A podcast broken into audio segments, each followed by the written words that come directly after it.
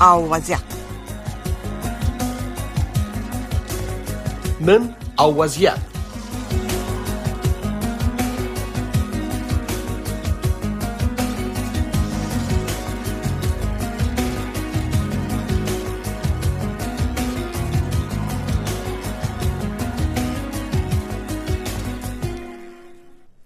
السلام علیکم درنو اوریدونکو ستړي مشه په خیر راغلی د نن وضعیت د پروګرام اوریدو ته. ززیبا خادمیم د امریکا غږ آشنا رادیو خبرونه ده. تاسو ټولونه ډیره مننه د امریکا غږ آشنا رادیو خبرونه اوري او بیا وروسته راځي خپل نظر څرګندوي وروسته ساسه غږ پروګرام ده ساسه ټلیفونونو ته پته مې درنو اوریدونکو نن موږ په دې باندې غږیږو چې د سوداګرۍ او پانګه اچولې اچونې خونی د دې چارواکو ویل دي چې 2022 میلادي کال کې د افغانستان د لارې نه منځنۍ اسیا ته د پاکستان د ترانزیتي مالونو په سطحه کې تقریبا وې د 2022 میلادي کال په پرتله یو څه زیاتواله راغله ده دا چې څومره زیاتواله ده سشي دي سلیګل شي دي چیرته لیګل شي دي. د افغانستان په اقتصاد کې څه کومه کړې ده نه د افغانستان ته څه ګټه رسیدلې ده. ډېر ډېر دغه سي نوري مسلې او پوښتنې شته دي. غواړو په همدې برخه کې نن د خبرونه د میلمه سره وغږیږو. د خبرونه میلمه نن زمونږ چې د خبرونه تم را بلل دي رحماني صاحب ده او رحماني صاحب د افغانستان د پانګوالو د تاجرانو د اتحادیه حقوقي مشاور دی. ډاکټر حمید الرحمن رحماني صاحب. نو زه به وګورم چې ډاکټر رحماني صاحب خبرونه ترغله دی نه کله کله خو مشکلات امید دي چې موږ ورسره نو مهرباني وکړئ زما ښه. تاسو زما غوړي رحماني صاحب بله بله اورم ښه ستړي مشه په خیر راغلی خبرونه ته خوشاله يم چې راغلی. جوړ سي ډیره مننه. مخکې لمخکې تاسو ته او تاسو همکارانو ته او اوریدونکو ته خپل سلامونه دالې کوم. وعلیکم سلام کور دی ودان او مننه بیا هم دغه د سوداګرۍ او پانګه اچونې خوري دي چارواکو ویلي دي. دایم البته د خانجان لکوزي سیب له قول ویلي دي چې وي امریکا غکته ویلي دي. وای چې د افغانستان لاره منځنۍ اسیا ته د پاکستان ترانزیتي مالونو هغه زیات شوی دی. یعنی هغه مقدار زیات شوی دی د 2020 کال په نسبت. ډیر مالونه لیږل شوی دي.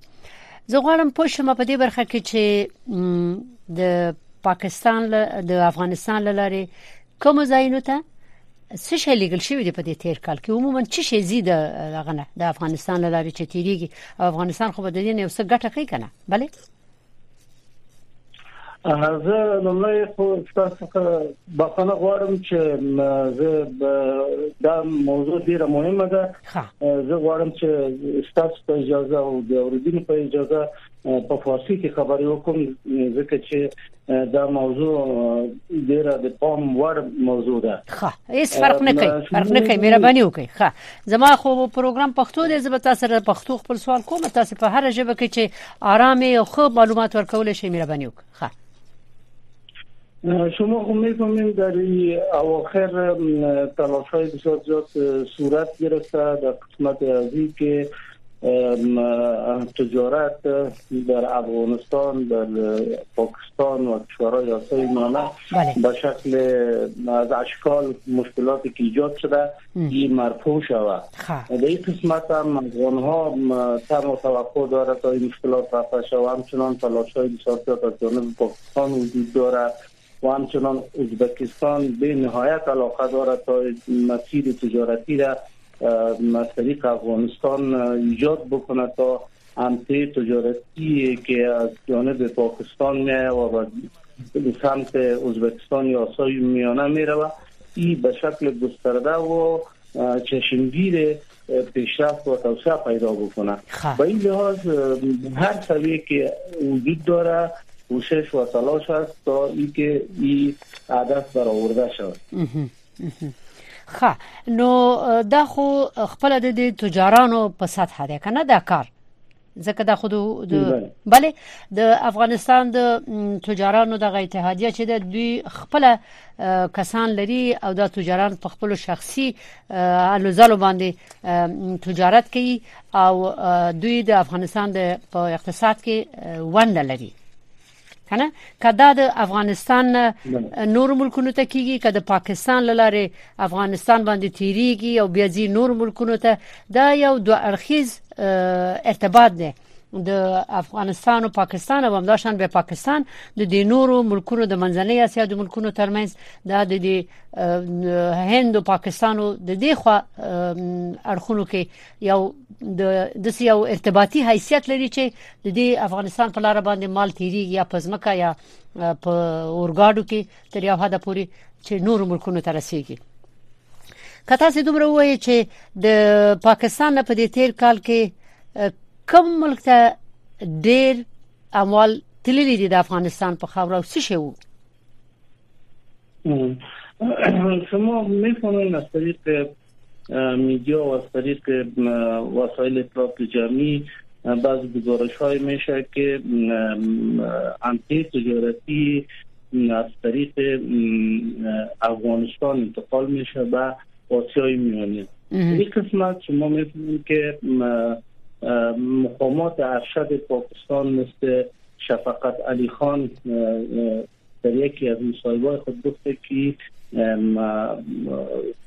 بازرگانی و انتقالات اموال تجار پاکستان به طور چشمگیر از راه افغانستان به طرف آسیای میانه می رود و همچنان در قولی ازی نوید قمر وزیر تجارت و سرمایه پاکستان هم میره تایید کرده که یک مسیر بسیار خوبی است از جانب افغانستان. سمت افغانستان و از افغانستان اموال تجارتی پاکستان انتقال بکنه به آسیای میانه. از این خاطر قرار معلوماتی که ما شما داریم نمایشگاه مختلف تولیدات پاکستان در کشور تاجیکستان قرقیزستان و سایر کشورهای دیگه در حال جریان است و همچنان سه نمایشگاه اینا دایر کردن که در این قسمت تفاهم تجارتی بین تاجران تاجیکستان و پاکستان هم به رسیده و اینا پیش بینی کردن که این یک راه مناسب است تا از طریق افغانستان اموال پاکستان انتقال بکنه به آسیای میانه. ښه. نو د پاکستان نه چې مالونه راځي د دوی په خپل موټرو کې راځي. د دوی خپل کسان وي په کې خپل موټر وانانی وي خپل مالونه په خاور صرف تیریږي او د مرکزی اسیا د ملکونو ته ځي. درست؟ درست ښه. نو دلته بیا د افغانستان په خاور چې تیریږي دلته قانون څنګه دی دغه برخه کې؟ افغانستان ته څه ګټه کوي چې د دوی په خاور د مالونه تیریږي؟ نور ځایو ته ځي شما بهتر می‌فهمید که در قسمت انتقال اموال تجارتی کنوانسیون های بین المللی زیاد وجود داره و همچنان مقاوله ها و قراردادهای بین المللی وجود داره که اموال می‌تونه به سه طریق انتقال پیدا بکنه که یکی از راه بحر است یا دریا از راه هوا هست و از راه زمین است. افغانستان خوشبختانه راه ترانزیتی زمینی مفیدی در منطقه داره که می‌تونه اموال از طریق افغانستان به شکل بسیار آسان رای زمینی انتقال پیدا کنه. و در این قسمت مفادی که حاصل میشه شما می‌فهمید به دو شکل است. یکی تعهدات بین المللی است که بین کشورها است که همه کشورها از این تعهدات بین المللی و کنوانسیون بین المللی استفاده می‌کنه و دیگر قرارداد میان دو کشور یا سه کشور صورت می‌گیره که اینا یک مقدار پول ترانزیتی از هم دیگر رسول می‌کنه خب. و یا قرارداد بالمقابل است به شکل بالمقابل است. از لحاظ حقوقی زمانی که یک کشور می‌خواد که اموال خود انتقال بده به کشور دیگر کشور که ترانزیت است هم می‌تونه اموال خود به کشور سوم و یا چهارم انتقال بده. این قراردادها صورت گرفته. البته قرار اطلاعاتی که ما داریم در این سال جاری امارت اسلامی با ازبکستان و ازبکستان با امارات امارات اسلامی تعهد نموده که در قسمت ترانزیت اعمال تجاری این زمینه را مساعد میکنه بر انتقال از اونا. اینطور یک قرارداد بین دولت ها وجود داره. نو دا خو به تاسو ته معلومات وی چې مثلا د تیر کال کې چې څومره مالونه د افغانستان لارې د پاکستان نه د ملکونو ته منځنۍ اسیا ملکونو ته ولېګل شول صادر شول ورسېدل. د کې افغانستان څومره فیصد هغه اخلي تنفس اخلي په دې لار باندې تیریږي یا کوم بل تړون دی یا کوم بل قرارداد دی دا معلومه ده بر شما بهتر معلوم است که اولین محموله ای که پاکستان و از طریق افغانستان به ازبکستان رسید در 27 جوزای سال جاری بود. که البته یک از مسیرش از افغانستان انتقال پیدا کرد و نظر به قول حکام پاکستانی که اونا اظهار داشتن که حدود 35 روز الا 25 روز در بر می‌گیره که اموال انتقال پیدا می‌کنه از پاکستان تا به ازبکستان البته این معموله از طریق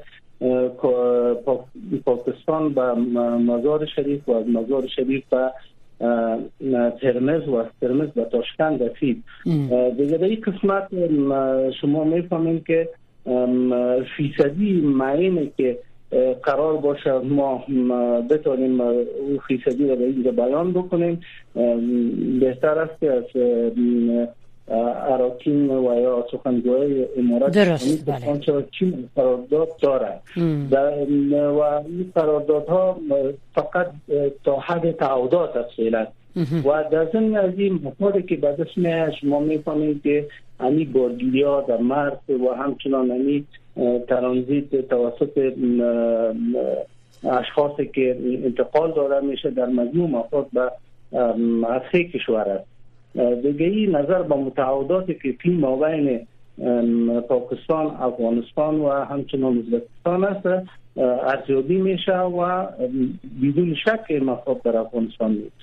خب صحیح خبره ده ځکه چې الکوزي صاحب ویل دي چې نه یوازې د پاکستان سره بلکې وې د ټول نړۍ سره زمونږ واردات کم دي او صادرات زیات دي واردات وې ځکه کم شوي دي چې یو خو په داخل کې زنو تولیداتو کې افغانستان خپل په خپل بخونه دی ولر د سیو حالت نه دی رسیدلی او د بل خو د خلکو د ژوند سطح ډیره راټیټه شوې ده او خرید و فروش هم نشته ده کنه غو تاسو ته به تر معلومه ده مارکیټ کې.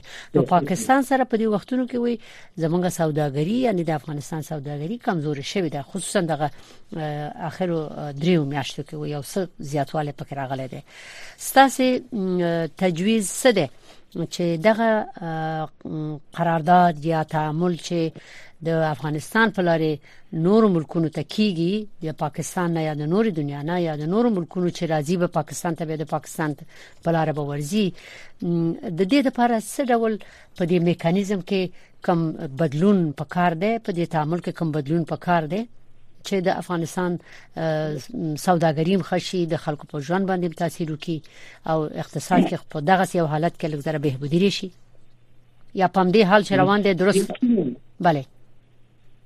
یقینا یقینا در این قسمت باید اظهار داشت که تلاش های فراوان از جانب نهادهای خصوصی و نهادهای جمعی مانند اتحادیه تاجران افغانستان اتاقای تجارت افغانستان و غیر نهادهایی در افغانستان وجود داره و همچنان امارت اسلامی اینا کوشش دارن به این که تا وضعیت تجاری را بیشتر از پیش توسعه بدن و این حالت فعلی را بگذرانند از جمله شما خبر داریم که اتحادیه تاجران افغانستان حدود 14 نمایشگاه در طول چند سال گذشته ظاهر کرد که از جمله دو نمایشگاه را در با تغییر و تحولی که در افغانستان ایجاد شد تانست دایر بکنه و تجارت دور هم جمع بکنه و همچنان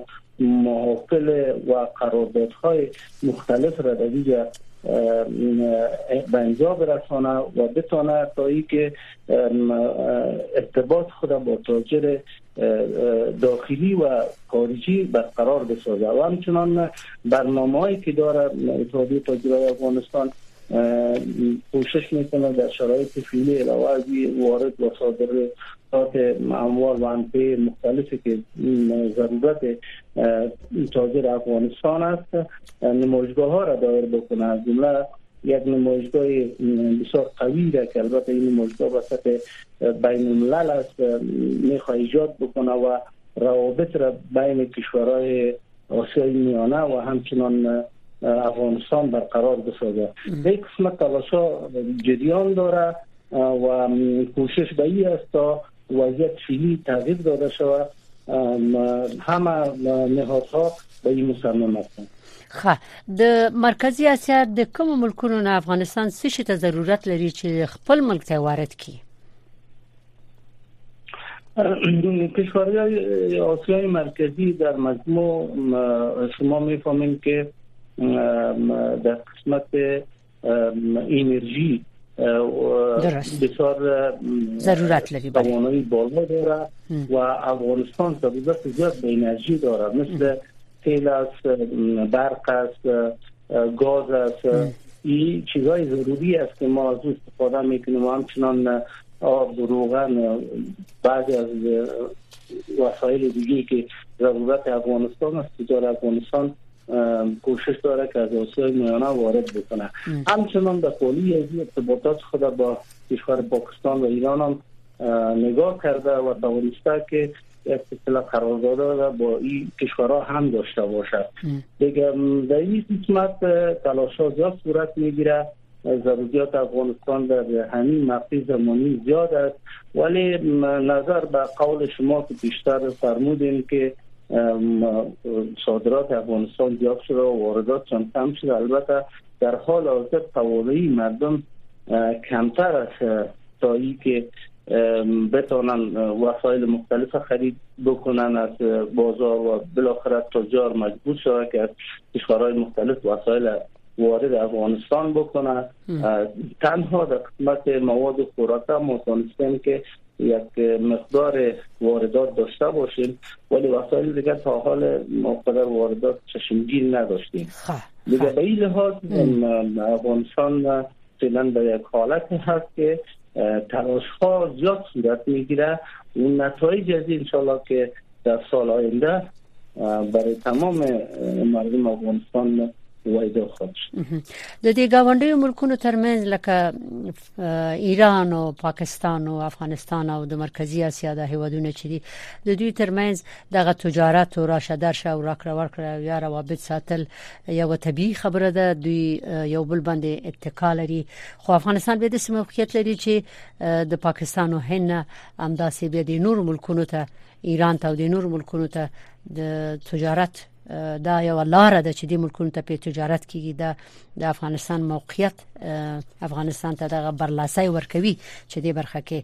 ام د ملکونو نه د تجارت په برخه کې او فیس واخلي ګمرکي مسول واخلي او یا نور تعاملات لري او یا دا چې خپل مالونه د ملکونو ته صادر کی او تجارت ورسره وکړي نو د طالبانو د حکومت د صنعت او سوداګرۍ د وزارت وایي عبدالسلام جواد امریکا غک ته ویل دي چې د روان یو زرو سلور سو او یو مریض کال پاول شپږم میاشتې کوي د پاکستان نه افغانستان ته 850 میلیون ډالر په ارزښت مالونه وارد شوي دي. هغه د د مختلف شیان وی او واردات به وي. صحیح خبره ده. خو سوال ده چې افغانستان څنګه کولای شي چې د دې نورو ملکونو سره یو کما مثلا تجارت کم وي هغه زیات کی تعاملاتو کې کومځي کې کم نواقص موجود وي هغه اصلاح کی زه په حکومت نه غږیږم زه په دغه تجارانو باندې غږیږم. یو دا اول دا چې دغه د تجارانو اتحادیه د طالبانو د حکومت سره په دې مسایلو کې همغږي لري دوی دوی ورسره مرسته کوي دلته تجاران کوم مشکل خو نه لري په دې برخه کې قانوني لحاظ باندې بله یقینا روز شما می‌فهمید که تاجرای افغانستان البته با وجود تمام مشکلاتی که وجود داره تماسهایشان با مقامات دولتی برقرار است و تلاش و کوشش در صورت می‌گیره تا اینکه راه های خوب هموار شود تا اینکه تجارت به شکل سریع و آسان صورت بگیره اما متاسفانه شما می‌فهمید که موضوعات سیاسی در تمام کشورها و خصوصا در افغانستان تجارت و بعض مسائل دیگر را تحت کوشش خود قرار میده البته یکی از تقاضای ما در مصاحبه های گذشته هم این موضوع بوده که نباید موضوعات سیاسی به حد تجارت تحت تاثیر قرار بده تا اینکه به اصطلاح تجار نکنه به شکل سهل و آسان امتی تجارتی خود از کشورهای دیگر انتقال بده به افغانستان و از افغانستان انتقال بده به کشورهای دیگر. این از جمله پیشنهادات و مشکلات موجود که قبلا ما با امارت اسلامی در میان گذاشته بودیم. و دیگر یکی از پیشنهادات دیگه ما بود که عکسای تجارتی که در وزارت خارجه افغانستان هستند و نماینده های تاجرای افغانستان در اوجا وجود داشته باشه تا بتانه می روابط برقرار بکنه با کشورهای همسایه و کشورهای منطقه تا با کشورهای جهان. خب. و این ضرور است که ما در همین مقطع زمانی به او کوشش بکنیم تا تجارت از مسائل سیاسی دور باریم. شما می‌فهمیم که بسیار تاجرای ما هستن که نمی‌تونن ویزای کشورهای مختلف به دست بیاره و به این اثر در تجارتشان مشکل ایجاد شده. و در ضمن از شما آگاه هستیم که موضوعات دیگه مثل از نظر بنی موضوعات سیاسی که وجود داره خلا یا مشکلات به وجود آمده. تعداد زیادی از محصلین هست که مثلا از هندوستان بیش از هزار محصلین از تاجیکستان بیش از 300 محصل فعلا در افغانستان است که مراحل درسیشان مانده. اینا همه تحت تاثیر اوضاع سیاسی قرار گرفتن و کشورها ویزا صادر نمی‌کنه در حالی که کشورها همکاری باید بکنه تا اینکه بتانن تجار ما و محصلین ما بتانن امور غیر سیاسی را پیش ببره کشورهای دیگه و تجارت خود به شکل سهل و آسان پیش ببره این مشکلات ها وجود داشته ولی روی هم رفته هم تجار محترم و هم امارت اسلامی در تلاش است برای بهبود برای تجارت به وجود بیاید خا ډیره مننه زه به تاسو په اجازه رحماني صاحب محترم یو ځل اوریدونکو ته اعلان کوم چې د امریکا غږ آشنا رادیو درنو اوریدونکو د نن وضعیت نننی پروګرام کې منګه په دې باندې غږیږو چې د افغانستان د سوداګرۍ او پانګونې د خونې چارواکو ویل دي چې 2022 میلادي کال کې نه دغه کال چې تیر شو خو نوې کال د 2022 دی او اتم ورځ ده د افغانستان د لارې نه وایي چې منځنۍ اسیا ته د پاکستان د ترانزیتي مالونو په سطح کې زیاتوالی راغلی دی او دا زیاتوالی ویل شوی دی په د اخر وختو کې. موږ پام دی باندې غږیږو چې دغه زیاتوالی په نتیجه کې افغانستان د سګټه رسیدي د افغانستان د تجارانو تجارت وضع څنګه ده؟ د کوم ملکونو سره تجارت لري؟ کوم ملکونه د افغانستان کې چې د اوس طالبان دي د دوی سره تعاملات لري؟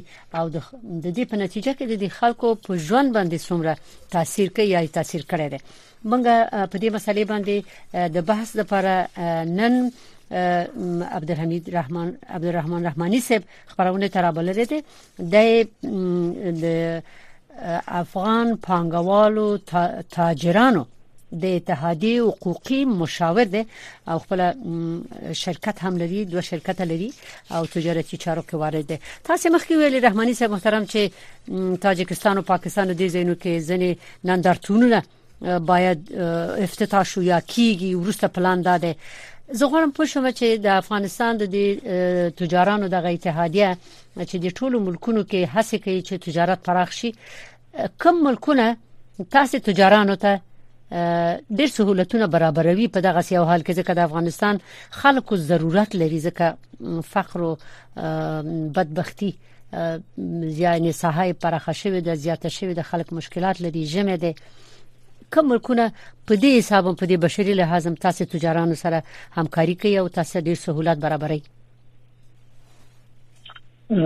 کشورهای آسیای میانه به خصوص کشور تاجیکستان با اتحادیه تاجرای افغانستان یک روابط بسیار خوب و صادقانه داره. البته قبلا سال گذشته ما تا یک سفر تجاری که داشتیم با سایر تاجرایی که با ما همراه بودن ما به تاشکند سفر کردیم و در تمام نمایشگاه ها و فابریکات و عرصه خدماتی و غیر خدماتی کشور ازبکستان که مشاهده کردیم و در اینجا تقریبا حدود 17 قرارداد به امضا رسید خب. بین تجار افغانستان و تجار ازبکستان و در خلوی از ما تانستیم که من نماینده خود از طریق سفارت افغانستان مقیم ازبکستان و ولایت سرخاندریا اعزام بداریم و در اوجه اینا تمام کارهای تجارتی افغانان ما را اوجه مشاهده کرد و همچنان ازبکستان نظر به علاقه که با افغانستان داره یک بازار مشترک ایجاد کرده شما از طریق میدیا در یک قسمت آگاهی کامل داریم که این بازار مشترک هم قریب افتتاح میشه با تعداد زیادی از دوکاکین و جاهای یا مکانهای تجارتی را در خدمت تجار افغانستان قرار داره. که در قسمت ما هم نمایندگی داریم در البته در خود فرحد هستیم حتی می‌تواند تجار ما بدون ویزا برند اونجا و از با تجار ازبکستانی و سایر کسایی که در وجود داره همراهشان معاملات تجارتی را انجام بده خب. این قسمت ازبکستان خیلی مشقانه و خوشبینانه پیش رفته و همچنان کشور ایران اما در نمایشگاهی که از طریق از اونا دایر شده بود ما اشتراک کردیم. در روز هم البته اونا با تجار ما قراردادهای را به امضا رسانیدن. و فعلا هم روابط ما با ازبکستان ایران پاکستان در جریان است و اینا کوشش می‌کنن تجار ایرانی ازبکستانی و پاکستانی که با تجار افغانی ارتباطات تجاری داشته باشه. البته قراردادهای هم صورت گرفته و ان قریب اتحادیه تاجرای افغانستان در تلاش ازی است که نمایشگاه بین‌المللی را داشتن قبلا برای شما گفتم که بله. تحت نام راه شما است. و انشالله که سال آینده دایر میشه و برنامه هایی که ما داریم مرحله به مرحله او را تطبیق می‌کنیم تلاش صورت می‌گیریم که ارتباطات به شکل گسترده باشه. خدا نمایشگاه با افغانستان کی وی انشالله که مرحله اولش در افغانستان به ترتیب از او باز ډیره مننه زه به یو ځل بیا هم اوریدونکو ته وایم چې نن زمونږ د خبرونه ملما د افغان پانګوالو تاجرانو د اتحادیه حقوقي مشاور ډاکټر حمید الرحمن رحمانی صاحب معذرت غواړم یو ځکه ساسینو ما عبدالرحمن ویلي. معذرت غواړم چې دا مې باید اصلاح کړو او اسلام کوس دا تک نمو ډیره زیاته مننه. مخه تمخه نو موشګامو چې دایره شو ان شاء الله بیا سره غږیږو چې اوریدونکو ته معلومات ورکړو. په مخه